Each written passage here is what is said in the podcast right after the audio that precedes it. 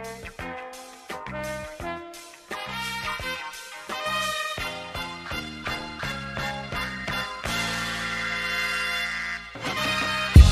guys, kembali lagi di Warung Kopi. Gimana kabarnya? Gue yakin kalau di era digital seperti ini, udah gak pada kaget lagi kan dengar banyak layanan yang berubah jadi aplikasi. Mulai dari shopping online, pesen tiket nonton, semuanya udah ada platformnya masing-masing. Nah, sama juga nih dengan industri kesehatan. Apalagi di masa pandemi kayak gini, semua platform digital kesehatan misalnya kayak Halodoc atau Halo Dokter itu jadi penting banget. Karena gak semua orang yang perlu konsultasi ke dokter itu harus pergi ke rumah sakit. Nah, kali ini kita udah ketemu seorang UX writer dari Halodoc. Dia akan nge-share dengan kita behind the scenes writing untuk industri healthcare. Gimana role seorang UX writer ada di tengah industri yang berhadapan langsung dengan pandemi COVID-19. Jadi guys, langsung aja kenalin Rizky Aulia. Hai, gue Keke, UX writer dari Halodoc, and I will share a thing or two about writing for healthcare industry.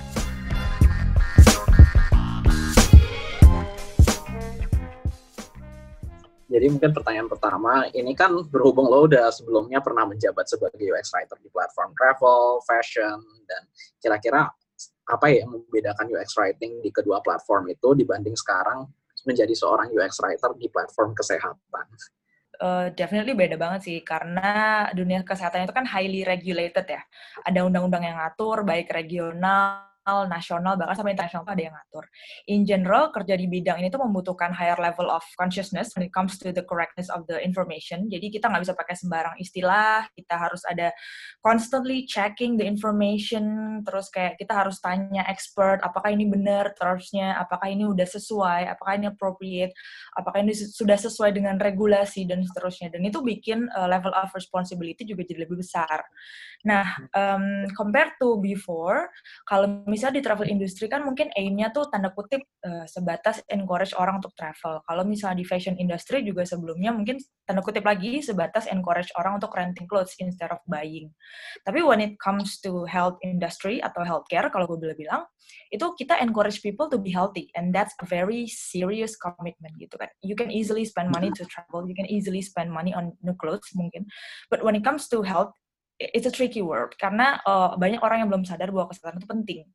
Jadi uh, yeah. menurut gue sih ada combination between correct information, the right tone of persuasion, terus ada juga the right amount of assurance juga itu harus ada di copywriting di healthcare industry. Itu yang ngebedain sama uh, industri gue sebelumnya sih di travel dan uh, fashion industry.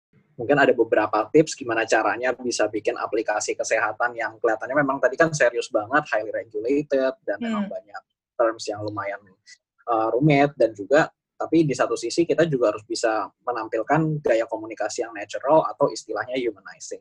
The first thing itu uh, kalau menurut gue adalah always do your research gitu. Kalau misalnya uh, lo adalah UX writer di bidang healthcare itu because you're not you're not a doctor gitu and you don't have a medical degree so first thing first dan the most essential thing adalah uh, research gitu. Selalu tanya, selalu cari tahu uh, apakah uh, sebenarnya informasi ini tuh apa sih? Lo harus tahu uh, penyakit ini let's say itu apa. Terus kayak hmm. lo bisa consult juga with the expert. Jadi kalau misalnya di Halodoc tuh kita memang punya uh, tim dokter yang kita bisa consult. Jadi kayak kita nanya bisa pakai term ini enggak sih dok? Terus kayak kita bisa pakai kata-kata ini enggak sih di di dunia awam, let's say ini udah bener nggak sih pe, peletannya udah bener atau enggak?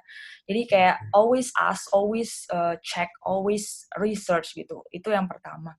Terus yang kedua mungkin yang penting juga adalah know the formula of giving the right amount of information to user with the right way gitu. Kita jelas nggak bisa pakai istilah kedokteran yang kayak nama-nama Latin mungkin atau mungkin nama-nama yang susah gitu karena cognitive load-nya user pasti akan gede banget untuk memahami kan.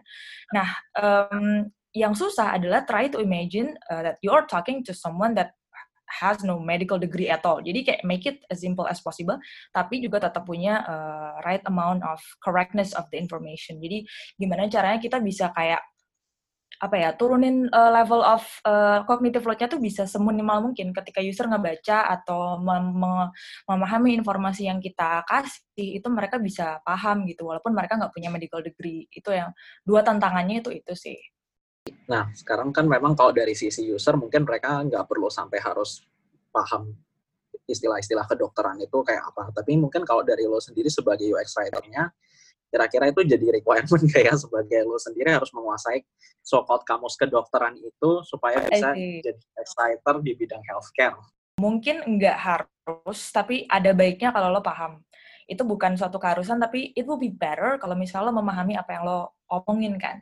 Jadi kalau menurut gue sebagai user yang mungkin, eh sebagai, sorry, writer yang nggak punya medical degree adalah, uh, satu-satunya jalan adalah use the research ability dig the information, consult with the expert, selalu kon uh, apa ya cek cross check gitu sama dokter, sama orang yang lebih ngerti gitu, selalu tanya. Jadi menurut gue sih even though dokter tuh punya more knowledge about the medical stuff, kita UX writer itu has the knowledge to send the message. Jadi mix them up aja. Kita punya kemampuan buat sending the message, uh, buat mengolah kata-kata gimana cara biar mudah dipahami sama user. Dokter punya pemahaman yang lebih tentang medical stuff, ya itu yang bisa kita formulate gitu. Gimana caranya kita bisa kerja sama sama dokter, mereka kasih informasi yang jelas ke kita, kita yang uh, lempar itu ke user dengan kata-kata yang mudah dipahami sekarang kita lanjut uh, ngelihat bahwa memang HelloDoc ini bisa dibilang salah satu platform yang memang lagi banyak dipakai, terutama ya sejak uh, puncaknya pandemi corona saat ini. Mm-hmm. Tone seperti apa sih yang paling cocok supaya kita tuh bisa berkomunikasi yang menenangkan di saat-saat sensitif kayak gini? Hai guys, pause bentar ya. Cuma mau ngingetin aja jangan lupa follow Instagramnya warung.kopi biar teman-teman semua tahu topik terbarunya apa, episode terbarunya apa, guest terbarunya siapa. Thank you, enjoy. Jadi uh, benar sih dari semenjak uh, corona uh, pandemi ini ada itu sebenarnya spike usage-nya Halodoc tuh makin tinggi ya. Karena orang juga lebih uh, mungkin pertama mungkin mereka lebih aware sama kesehatan bahwa mereka tahu kesehatan itu penting. Jadi uh, mereka banyak pakai halodoc. Di sisi lain, uh, keadaan karantina kayak gini juga bikin orang jadi ke dokter juga susah kan. Makanya fitur chat with dokter di halodoc itu diminati banget sama masyarakat karena ya well mereka nggak bisa taking the risk gitu datang ke rumah sakit cuma buat periksa sesuatu yang mungkin simple kayak flu dan lain-lain gitu. Nah, talking about consideration, balik lagi ke fakta bahwa sebenarnya health industry itu highly regulated. Kita benar-benar harus cek setiap term yang dipakai itu sesuai sama undang-undang atau enggak. Contohnya uh, kemarin uh, itu pemerintah Indonesia membolehkan healthcare platforms kayak Halodoc contohnya itu kita harus akhirnya diperbolehkan untuk memakai terms telekonsultasi akhirnya itu akhirnya diperbolehkan sama Kemenkes. Sebelumnya nggak boleh. Sebelumnya tuh kayak bukan nggak boleh sih, tapi nggak ada regulasinya. Akhirnya karena pandemi ini dibikin regulasinya. This is the illustration bahwa sebenarnya anything related to health industry itu highly regulated. Kita mau pakai istilah telekonsultasi aja, itu literally harus consult sama pemerintah dan ID terutama ya. Boleh nggak nih kita pakai ini? Nah, itu uh, consideration dari sisi higher up ya. Nah, ke bawah ke user, kita juga harus hati-hati karena jangan sampai kita kasih informasi yang misleading. In the era of pandemic kayak sekarang ini, semua orang butuh informasi dan arus perputaran itu makin cepat. Ini kalau misalnya nggak dilakukan dengan penuh kehati-hatian, bakalan jadi bumerang. Misalnya kita let's say publish informasi yang belum jelas kebenarannya kayak misalnya udah ditemukan vaksin ternyata belum. Itu kayak itu bakalan jadi bumerang banget itu bakalan bisa jadi panik. Nah sebagai writer juga harus punya sense of responsibility. Gimana caranya kita bisa eh, senantiasa reassuring user dengan apa pun yang kita publish tapi juga kita kasih the correct amount of information.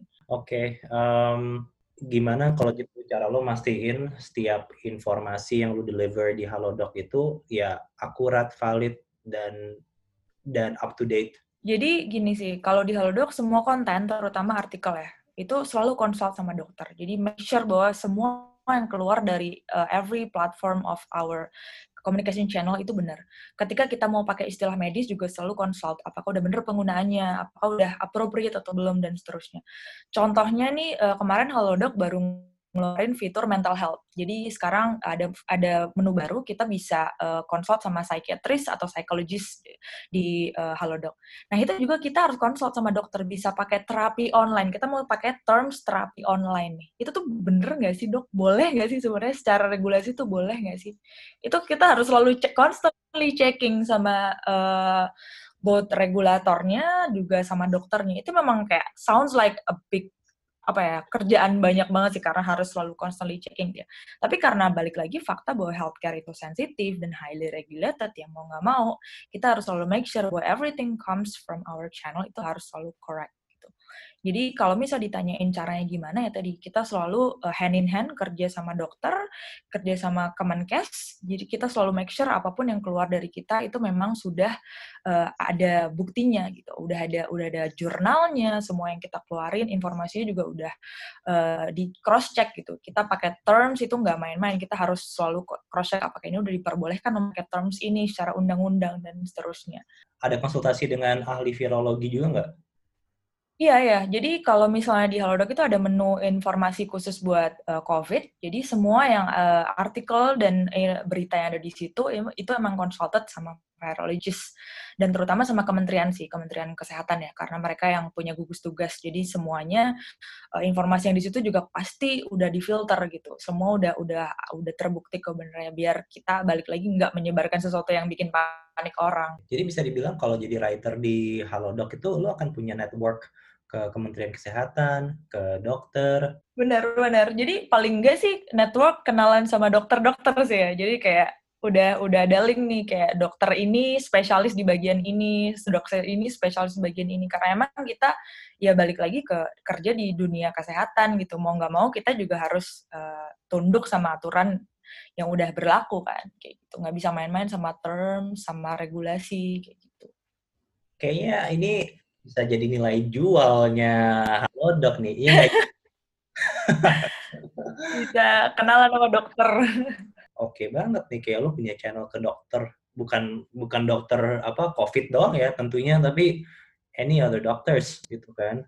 Ketika lo ngobrol sama dokter, itu kan susah juga ya karena dokter akan apa namanya akan apa ya cara dia bicara ke lu tuh pasti akan menggunakan bahasa-bahasa medis gitu. So, dari awal ya sebelum lu deliver information to your users, gimana cara lo bisa nangkep apa yang diomongin sama dokter ke lu? First thing first, menurut gue, dan ini bisa uh, applied ke semua uh, UX writer di bidang mana pun ya, adalah research. Jadi kayak hal yang penting banget yang kadang mungkin dilupakan sama UX writer adalah research. Kita ketika nulis itu, kita kan ada apa ya kita menulis sesuatu yang harus yang bener dan bener dong. Kayak kita harus tahu apa yang kita tuliskan apalagi uh, sesuatu yang kita nggak punya degree di situ. Kalau misalnya gue kuliahnya apa terus sekarang gue kerja di bidang apa itu gue harus hati-hati. Makanya pertama hal yang paling penting adalah research. Gue ketika misalnya gue diminta buat bikin menu tentang mental health kayak kemarin yang barusan dirilis gue pasti harus research. Bedanya psikolog sama psikiater apa sih? Ternyata tuh beda. Oh ternyata psikolog tuh kayak gini psikiater kayak gini. Kayak gue harus uh, immerse juga ke ke pengetahuan tentang itu buat gimana caranya gue bisa deliver ke user gitu. Makanya hal yang paling penting yang pertama adalah research balik lagi ke situ. Itu essential banget karena ketika lo nggak research ya lo kayak omong kosong gitu yang yang lo omongin tuh nggak lo nggak ngerti apa yang lo omongin. Kalau misalnya lo udah gini deh ketika lo ngerti apa yang lo omongin aja kadang susah kan buat meng, apa ya me, merangkai kata-kata itu susah. Apalagi ketika lo nggak ngerti gitu itu bakalan lebih susah lagi kayak gitu. Jadi hal yang pertama yang ketik paling penting buat dilakukan adalah research dan memahami ini tuh masalahnya apa? Ini tuh apa sih? Tentang apa sih? Tadi kayak gue bilang mental health psikiater psikolog itu ternyata beda. Regulasinya kayak gimana di Indonesia? Terus apa yang bisa mereka lakukan? Itu juga harus gue pahami gitu.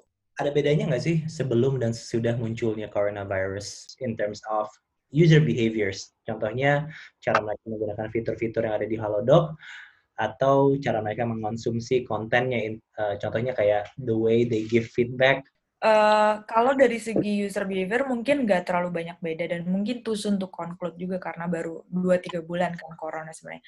Tapi dari segi usage, orang sebenarnya makin mengenal telekonsultasi itu makin banyak dipakai sama uh, user gitu. Orang karena mereka nggak mau balik lagi, nggak mau risk uh, everything cuman buat pergi ke dokter karena masalah flu misalnya jadi mereka bakalan telekonsultasi aja uh, bisa dari Halodoc gitu dan fitur ini memang banyak digunakan karena jadi alternatif di era pandemi ini.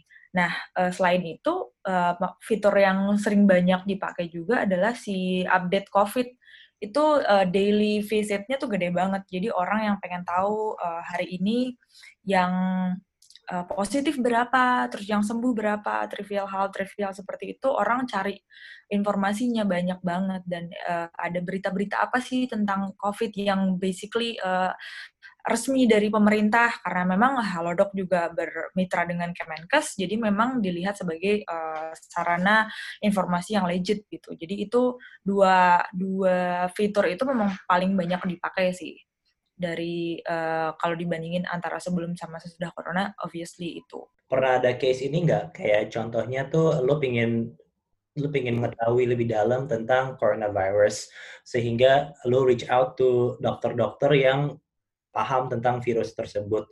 Nah, berhubung ada beberapa dokter nih ya, let's say, uh, pernah nggak lo mengalami apa ya, dokter A ngomongnya ngomong X gitu kan, terus dokter hmm. dokter B ngomongnya Y gitu. Padahal you are asking this you are asking them the same question gitu tapi info yang lo dapet nih beda pernah nggak lo kayak bimbang nih gue pakai insights dari dokter A atau dokter B ya contohnya yang gitu. mana so far eh, nggak uh, pernah kejadian kayak gitu sih karena memang semua dokter yang uh, ada di Halodoc itu memang berpartner sama Kemenkes dan semua kita uh, apa ya um, kiblatnya ke Kemenkes gitu informasinya sama satu kan jadi kayak kita nggak so far sih nggak ada informasi yang kayak kepecah belah gitu dan gue harus bingung mau ngambil yang mana karena memang kiblatnya sama ke Kemenkes kayak gitu. Nah, boleh dong lo uh, share juga nih tentang tentang cara lo melakukan research ya. If if if you guys are, are doing research uh, sejauh ini, uh, tapi bukan cuma buat mastiin infonya akurat, but also buat mastiin infonya itu uh, lengkap ya. Dalam artian, gue cukup pakai Halodoc aja deh buat buat dapetin semua info. Gue nggak perlu ke ke platform-platform lainnya gitu. Have you have you guys done any research uh, sebagai writer Uh, kalau gue sebagai writer sebenarnya kalau misalnya ditanyain gimana caranya bisa bikin uh, user tuh pakai satu aplikasi aja, memang itu bakalan lebih ke uh, nanya ke UX researcher ya. Pasti mereka udah punya market research tentang apa yang dibutuhkan sama user, informasi seperti apa yang tanda kutip seksi gitu di di market. Kayak informasi yang uh, dibutuh demandnya gede itu apa sih? Ya itu yang berusaha kita provide. Jadi biasanya kalau misalnya hal seperti itu gue akan uh, partnering sama UX researcher atau mungkin marketing researcher buat nanya ya udah ada belum sih previous research tentang ini? Sebenarnya yang dibutuhin sama masyarakat uh, di masa-masa let's say masa-masa pandemi ini informasi yang seperti apa sih? Biar kita bisa uh, crafting uh, menu dan fitur yang sesuai dengan apa yang dibutuhkan sama masyarakat itu kebanyakan memang sama uh, partnering sama UX researcher atau market researcher gitu. Nah, kalau misal itu kan tentang informasinya. Kalau misalnya tentang let's say uh, eh, UI-nya nih gimana caranya bisa bikin uh, UI yang gampang orang paham gitu karena ini healthcare kan susah banget ya sesuatu yang sensitif orang gimana caranya uh, bisa lebih memahami itu kayak cepet gitu gampangnya itu gue juga bakalan partnering sama desainer, bakalan nanya, apakah lo udah punya uh, previous research tentang ini? Ketika user, let's say, contohnya uh, ada beberapa obat yang memang lo harus pakai resep kan kalau membeli. Nah, itu gimana sih caranya kita bikin flow yang enggak uh, mengganggu user ketika dia harus attach uh, si foto resep itu kayak gimana. Ternyata udah ada researchnya nih, oh ternyata harusnya seperti ini, A, B, C, D, E. Jadi memang uh, sebagai UX writer in general, memang kita harus banyak-banyak nanya sih ke siapa pun, ke desainer, ke UX researcher, ke orang marketing. Jadi kayak kita harus nggak boleh malu buat nanya apa pun informasi yang dibutuhkan. gitu. Jadi kayak ya kita kan sebagai toanya nih keluar kita yang ngeluarin informasi ke user jadi kita memang harus menyerap banyak informasi juga dari internal cari tahu konteks sebanyak-banyaknya, cari tahu konteks dari PM, dari desainer, dari UX researcher, cari tahu gimana caranya. Sebenarnya fitur ini tuh ngapain sih? Itu harus harus emang banyak banget diabsorb di depan gitu biar kita bisa deliver something yang memang sesuai dengan apa yang dibutuhkan sama uh, user kayak gitu. Di masa pandemi ini lu sampai nge-research ketemu sama orang yang mengidap uh, COVID nggak ya? Untuk cari tahu nih mereka perasaannya gimana atau how how did how did it happen gitu-gitu pernah sampai pernah segitunya nggak ketemu sama apa sasaran target lo gitu korbannya gitu? Kalau kalau orang yang COVID jelas nggak boleh ya sebenarnya secara medical. Tapi lebih ke uh, usernya sih, user in general. Let's say kita mau memperbaiki uh, flow di gimana cara orang beli obat gitu ya. Kita cari uh, responden yang orang biasa beli obat tuh kayak gimana sih gitu. Memang uh, kita cari tahu pain points-nya di mana. Kita cari tahu mereka sebenarnya yang udah enak nih flow-nya kayak gini, tapi lo bisa uh, develop lagi, lo bisa perbaiki di poin-poin ini kayak gitu itu just pasti semua UX writer melakukan itu sih menurut gue. Ini kita actually dapat dua pertanyaan titipan. Jadi gue biasanya gue yang ketugasan untuk membaca pertanyaan titipan dari si followers ini. Um, pertanyaan pertanyaan pertama ada dari Cornelia Widita. Apa ya tantangannya nulis dengan nulis yang berhubungan dengan kesehatan? Yang pertama itu moral responsibility gede banget. Karena dunia kesehatan ini nggak main-main kan. Ini menyangkut nyawa dan kesehatan orang.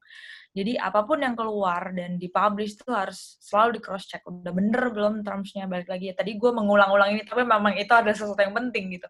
Udah appropriate atau belum, udah akurat atau belum. Jadi moral responsibility itu gede banget. Karena kalau salah kasih info itu nyawa orang jadi taruhan gitu. Jadi kayak secara personal itu tantangan juga sih buat gue karena gue punya moral responsibility yang gede buat deliver the correct information gitu. Nah, uh, terus mungkin yang kedua itu uh, tantangan yang berat juga gimana cara deliver informasi yang technical dan scientific itu untuk bisa dimengerti sama orang yang tanda kutip awam gitu. Gimana cara kita bisa tone down semua bahasa-bahasa ilmiah, semua nama-nama Latin ini mungkin. Gimana cara kita bisa deliver itu ke orang yang gak punya medical degree bisa ngerti gitu. Dan mungkin mungkin ada satu lagi tantangan yang gue kepikiran adalah um, keadaan industrinya, uh, healthcare industry ini kan highly regulated. Jadi tantangan juga buat writer bisa deliver user experience yang smooth. Contohnya balik lagi yang gue bilang tadi masalah resep obat nih. Uh, gimana caranya ada beberapa uh, resep, uh, beberapa obat yang memang harus pakai resep kan. Gimana caranya kita instruct ke user kalau misalnya lo harus pakai uh, upload resep nih kalau misalnya beli obat ini tanpa harus ganggu user experience mereka ketika beli obat ini butuh tektokan antara desain yang clear, terus copy yang assuring juga, dan mungkin mereka biar nggak kaget gitu, eh kenapa nih tiba-tiba gue harus uh, upload apa nih, kayak gitu, jadi harus clear juga, biar user nggak ngerasa keganggu gitu dengan uh, sesuatu yang regulated ini gitu. Mungkin tiga itu sih. Gimana caranya bisa tetap stay calm setelah tulisan dipublish? You are not calm after you, your content is published, then you are not sure about it on the first place. Kalau misalnya lo udah cross check, lo udah make sure, lo udah melakukan research, ya lo nggak akan anxious karena lo yakin bahwa informasi lo udah bener dan sesuai koridor hukum yang berlaku kalau misalnya kasus gue ya di healthcare industry. Jadi kalau ditanya gimana caranya biar tetap stay calm setelah tulisan dipublish, ya balik tadi make sure uh, semua udah benar, semua udah di cross check, semua udah di research. Kalau misalnya udah sesuai dengan koridor itu, gue yakin pasti bakalan smooth aja sih. Kayak gitu. Oke, okay, sip, sip. Thank you banget udah mau bantuin jawab dua pertanyaan dari followers kita nih. Uh, silakan, Win. Uh, dari gue sih udah sih Yup. Um, I think we got more than enough than that we need